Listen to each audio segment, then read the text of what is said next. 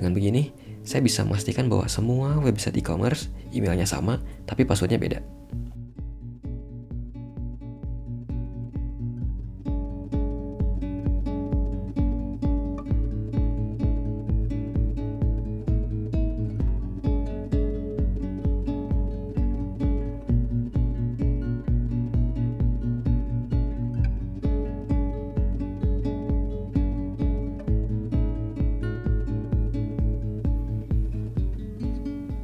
Halo halo, balik lagi bareng saya Boy di Katakan Saja Podcast.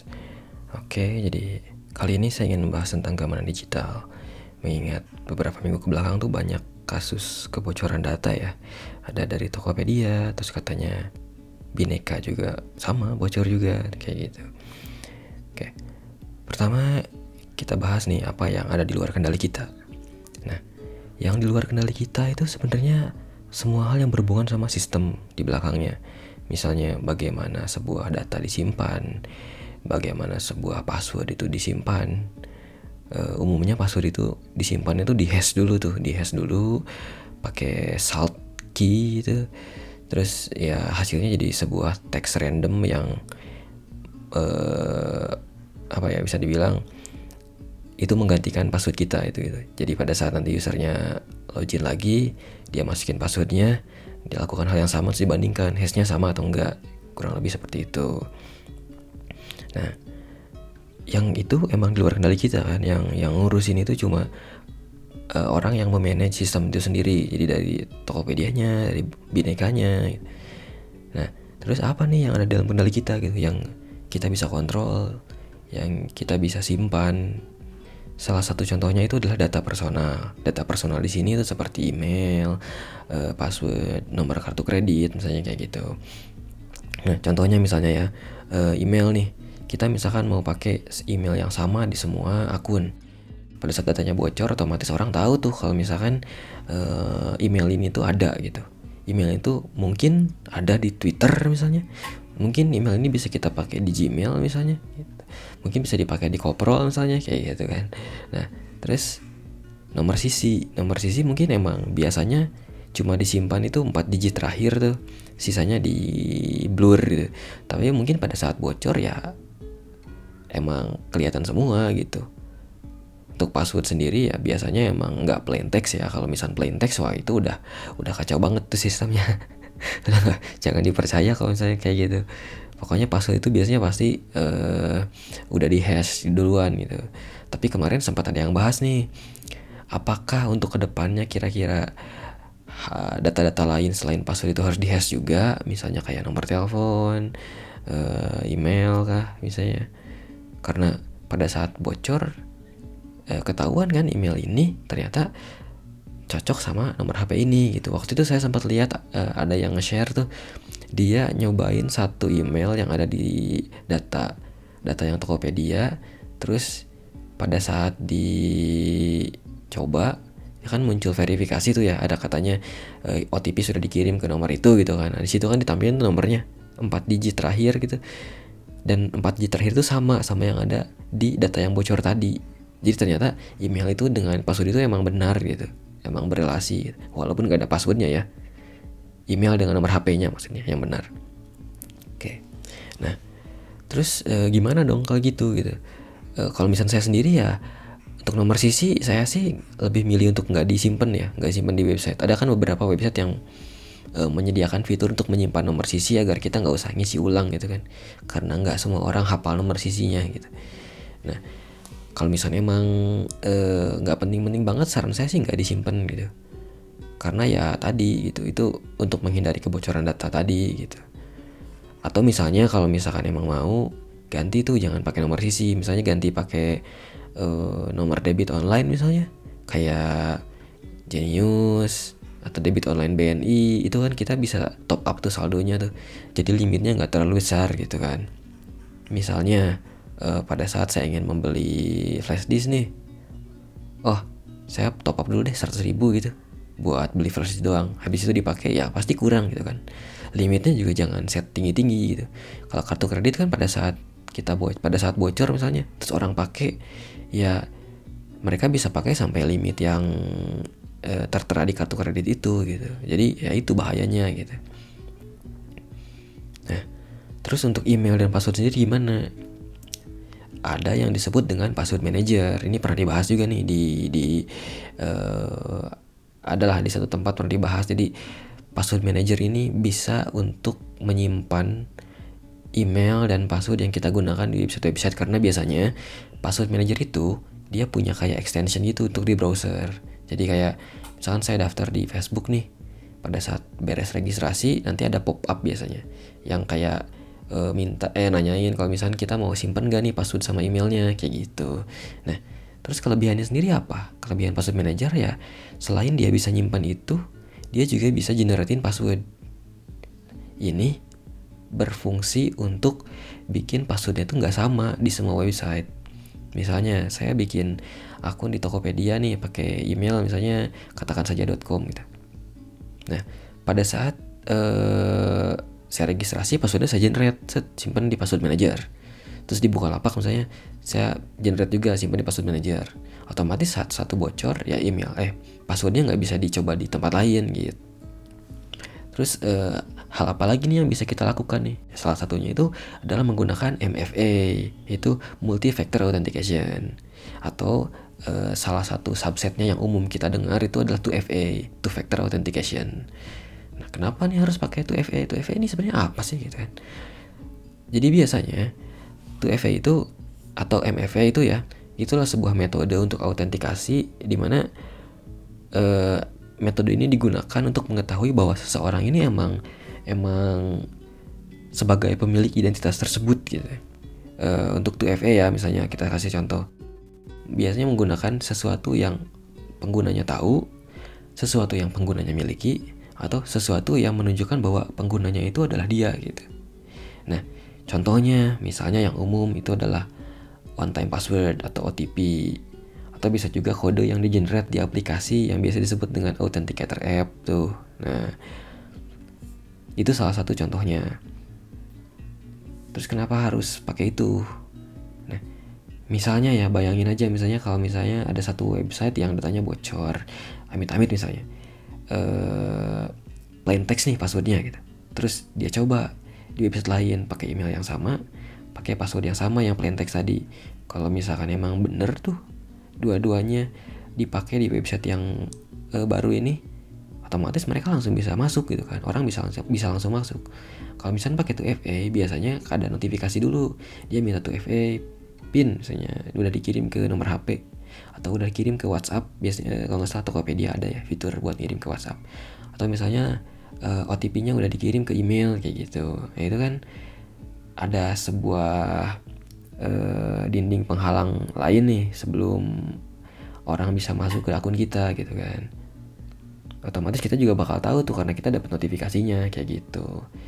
Nah terus uh, jenis-jenis 2FA kan nah tadi ya seperti yang saya bilang ada OTP itu yang tadi bisa dikirim ke email nomor HP nah terus ada lagi selain itu 2FA itu ada yang namanya physical key nah physical key ini menarik nih sebenarnya. Physical key ini benar-benar berfungsi, seperti kunci yang fisik gitu. Jadi kita uh, yang saya tahu ya itu bentuknya misalnya biasanya kayak flash drive kayak flash disk gitu. Ke USB ada yang USB-C ada yang Lightning ada yang uh, ya USB biasa USB A gitu kan. Nah terus kelebihan physical key ini apa dibanding 2FA sama apa tadi uh, dibandingin metode yang lain gitu physical key ini dia cuma read read only gitu. Jadi pada saat setelah di write kita nggak bisa tahu apa yang dimasukin tadi itu uh, kodenya apa gitu. Misalnya, misalnya nih, misalnya kasusnya misal saya pengen daftar ke, saya pengen pasang security yang physical key di Gmail. Saya masuk ke setting account gitu kan, ada pilih multi factor authentication atau two factor authentication. Terus pada saat di situ saya tinggal daftarin tuh uh, keynya. Pada saat saya pilih untuk daftarin keynya saya bakal disuruh untuk masukin key itu ke uh, eh, USB terus dia bakal nampilin pop up buat pin pin untuk key eh, untuk security untuk physical key tadi. Terus pada saat udah kita masukin key kita akan terregistrasi di Gmail tadi di akun Google tadi. Nah pada saat nanti suatu hari kita mau login setelah masukin password kita akan diminta untuk untuk masukin key-nya. Untuk masukin key-nya terus ada button biasanya untuk menunjukkan bahwa kita mau accept nih. Set pencet. Dan si halaman Google account itu tadi nanti akan bisa ngebaca bahwa oh ini key uh, key yang sama yang udah terregistrasi di akun ini gitu. Jadi dia bisa masuk kayak gitu biasanya ya kalau misalnya physical key itu ya waterproof terus uh, durable lah gitu. Nggak nggak nggak cepat rusak gitu. Jadi emang emang misalnya kan gini ya handphone kita hilang. Nah untuk 2FA yang ber, berbentuk uh, aplikasi yang authenticator app itu dan OTP otomatis masuknya ke HP itu kan. Kecuali misalnya kita pakai handphone yang berbeda gitu. Kalau misalnya hilang terus kebenaran di handphone yang sama otomatis hilang semua gitu. Nah key ini bisa buat backup gitu. Tapi emang tidak disarankan sih ya untuk menggunakan key physical ini saja gitu. Karena uh, rawan kalau misalkan nanti keynya hilang. Kalau misalkan nanti keynya hilang terus kita cuma pakai satu ya udah. Kita nggak bisa akses akun kita lagi gitu. Makanya biasanya disarankan untuk menggunakan uh, metode lain juga. Atau misalnya keynya ada dua keynya ada dua. Atau misalnya kita pakai 2FA juga apa namanya pakai authenticator app kayak gitu nah itu sih salah satu contohnya terus saya udah ngomong panjang lebar gini nih kira-kira saya sendiri sebenarnya pakai apa gitu Nah, saya sendiri sebenarnya pakainya kombinasi dari semuanya. Yang pertama nih ya, untuk data personal, misalkan email dan password. Email dan password ini pertama email, email email itu saya bikin alias dari email uh, asli saya. Misalkan kalian pakai Gmail, nah, Gmail ini dia punya fitur untuk bikin email alias dengan syarat kalian punya satu domain yang aktif gitu. Dan kemudian uh, saya punya kan, anggap aja misalnya domainnya katakan saja.com. Nah, pada saat saya ingin daftar ke website e-commerce, saya bikin email alias dulu nih. Contohnya misalnya commerce at katakan saja.com. Nah, ini saya daftarin di Tokopedia misalnya. Terus passwordnya saya generate nih pakai password manager. Setelah beres, saya simpen email dan password itu di password manager. Terus saya daftar lagi nih di Bukalapak. Emailnya sama misalnya. Saya pakai commerce at katakan saja.com gitu. Cuma passwordnya saya generate lagi yang nanti dua-duanya saya simpan di password manager gitu. Dengan begini, saya bisa memastikan bahwa semua website e-commerce emailnya sama, tapi passwordnya beda. Ya, terus uh, akun web akun website yang lain gimana? Misalnya saya punya akun di Facebook, saya bikin daftar akun baru, saya ganti misalnya jarsos at katakan saja.com kayak gitu. Nah, dengan cara ini saya bisa mengelompokkan nih semua akun di jaring sosial saya emailnya sama. Semua akun e-commerce saya emailnya sama. Tapi password untuk semua akun itu semuanya nggak ada yang sama. Kayak gitu. Dan untuk urusan password ini kan dihandle di password manager kan. Ya terus eh, masing-masing akun kalau misalkan mendukung 2FA saya daftarin juga 2FA password manager itu gimana? Password manager juga kalau misalkan dia mendukung 2FA saya daftarin 2FA juga gitu untuk meng lebih mengamankan uh, akun password manajernya gitu ya. Nah Terus 2FA yang saya pakai apa? Ya kembali ke websitenya, kembali ke sistem itu sendiri dia mendukung apa? Ada yang pakai OTP yang ngirimin ke handphone, ada yang ngirimin OTP ke email, ada juga yang pakai authenticator app kayak gitu. Nah, terus physical key tadi buat apa? Physical key saya juga kebetulan pakai. Saya pakai physical key dari Ubico, eh Ubico, dari YubiKey. Atau biasa disebut Ubico gitu. Physical key ini saya pakai buat backup nih kalau misalnya eh, akun-akun penting kayak misalkan email, Google account gitu ya. Atau akun-akun lainnya yang emang mendukung gitu ya. Saya pakai security tambahan yang physical key ini gitu. Terus kalian sendiri harus pakai apa? Saya sih nggak nggak nggak menyarankan kalian pakai security seperti physical key ya. Karena itu pertama itu agak lebih mahal. Itu untuk Cubico sendiri saya beli sekitar 550 ribu. Tapi kalau misalnya kalian nyari sekarang kayaknya terakhir saya lihat itu kebanyakan di atas satu juta sih jadi emang nggak murah buat uh, physical key ini sendiri gitu. Paling yang saya sarankan kalian harus pasangin 2FA kalau emang di websitenya ada 2FA terus ya kalau agak pengen lebih ribet lagi ya kayak tadi sih. Jadi bikin email alias di uh, email kalian. Dengan begitu orang walaupun misalkan uh, anggap misalnya gini Tokopedia datanya bocor. Terus kelihatan email saya misalnya. Oh tokopedia at katakan saja.com gitu. Pada saat mereka cari kan nggak ada tuh katakan saja.com itu nggak ada gitu emailnya. Itu cuma domain saya sendiri dan nggak ada nggak ada apa ya uh, sistem yang yang yang bisa dibuka dengan email itu gitu. Karena email itu cuma alias doang itu bukan email asli kayak gitu. Dengan begini email kalian bakal lebih aman. Orang-orang nggak akan ada yang tahu email kalian apa kayak gitu. Tapi bisa juga email alias ini nanti digunakan untuk hal lain misalnya untuk development kalian bisa pakai dev at katakan saja.com san biar lebih catchy gitu. Untuk yang lain ya bisa bisa bisa gunakan uh, jenis email yang lain lagi gitu. Itu kan lebih aman ya. Untuk password ya seperti yang tadi saya bilang password manager kayak gitu. Kombinasi ini emang kelihatan ribet itu ya. Ini tergantung ke seberapa ribet kalian pengen mengamankan akun kalian gitu.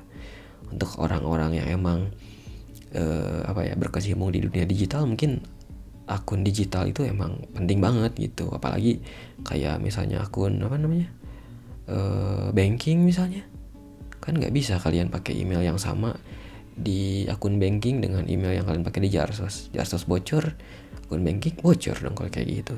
Gitu maksudnya. Itu sih paling yang bisa saya sampaikan kali ini. Ya semoga kita semua nggak ada yang apa ya nggak nggak ada yang kenapa-napa gitu ya akunnya ya. Karena kalau misalnya eh, sampai sampai beralih kepemilikan ke ke orang-orang yang tidak bertanggung jawab ya bahaya juga gitu kan. Itu sih. Oke semoga bermanfaat. Kita ketemu lagi di podcast selanjutnya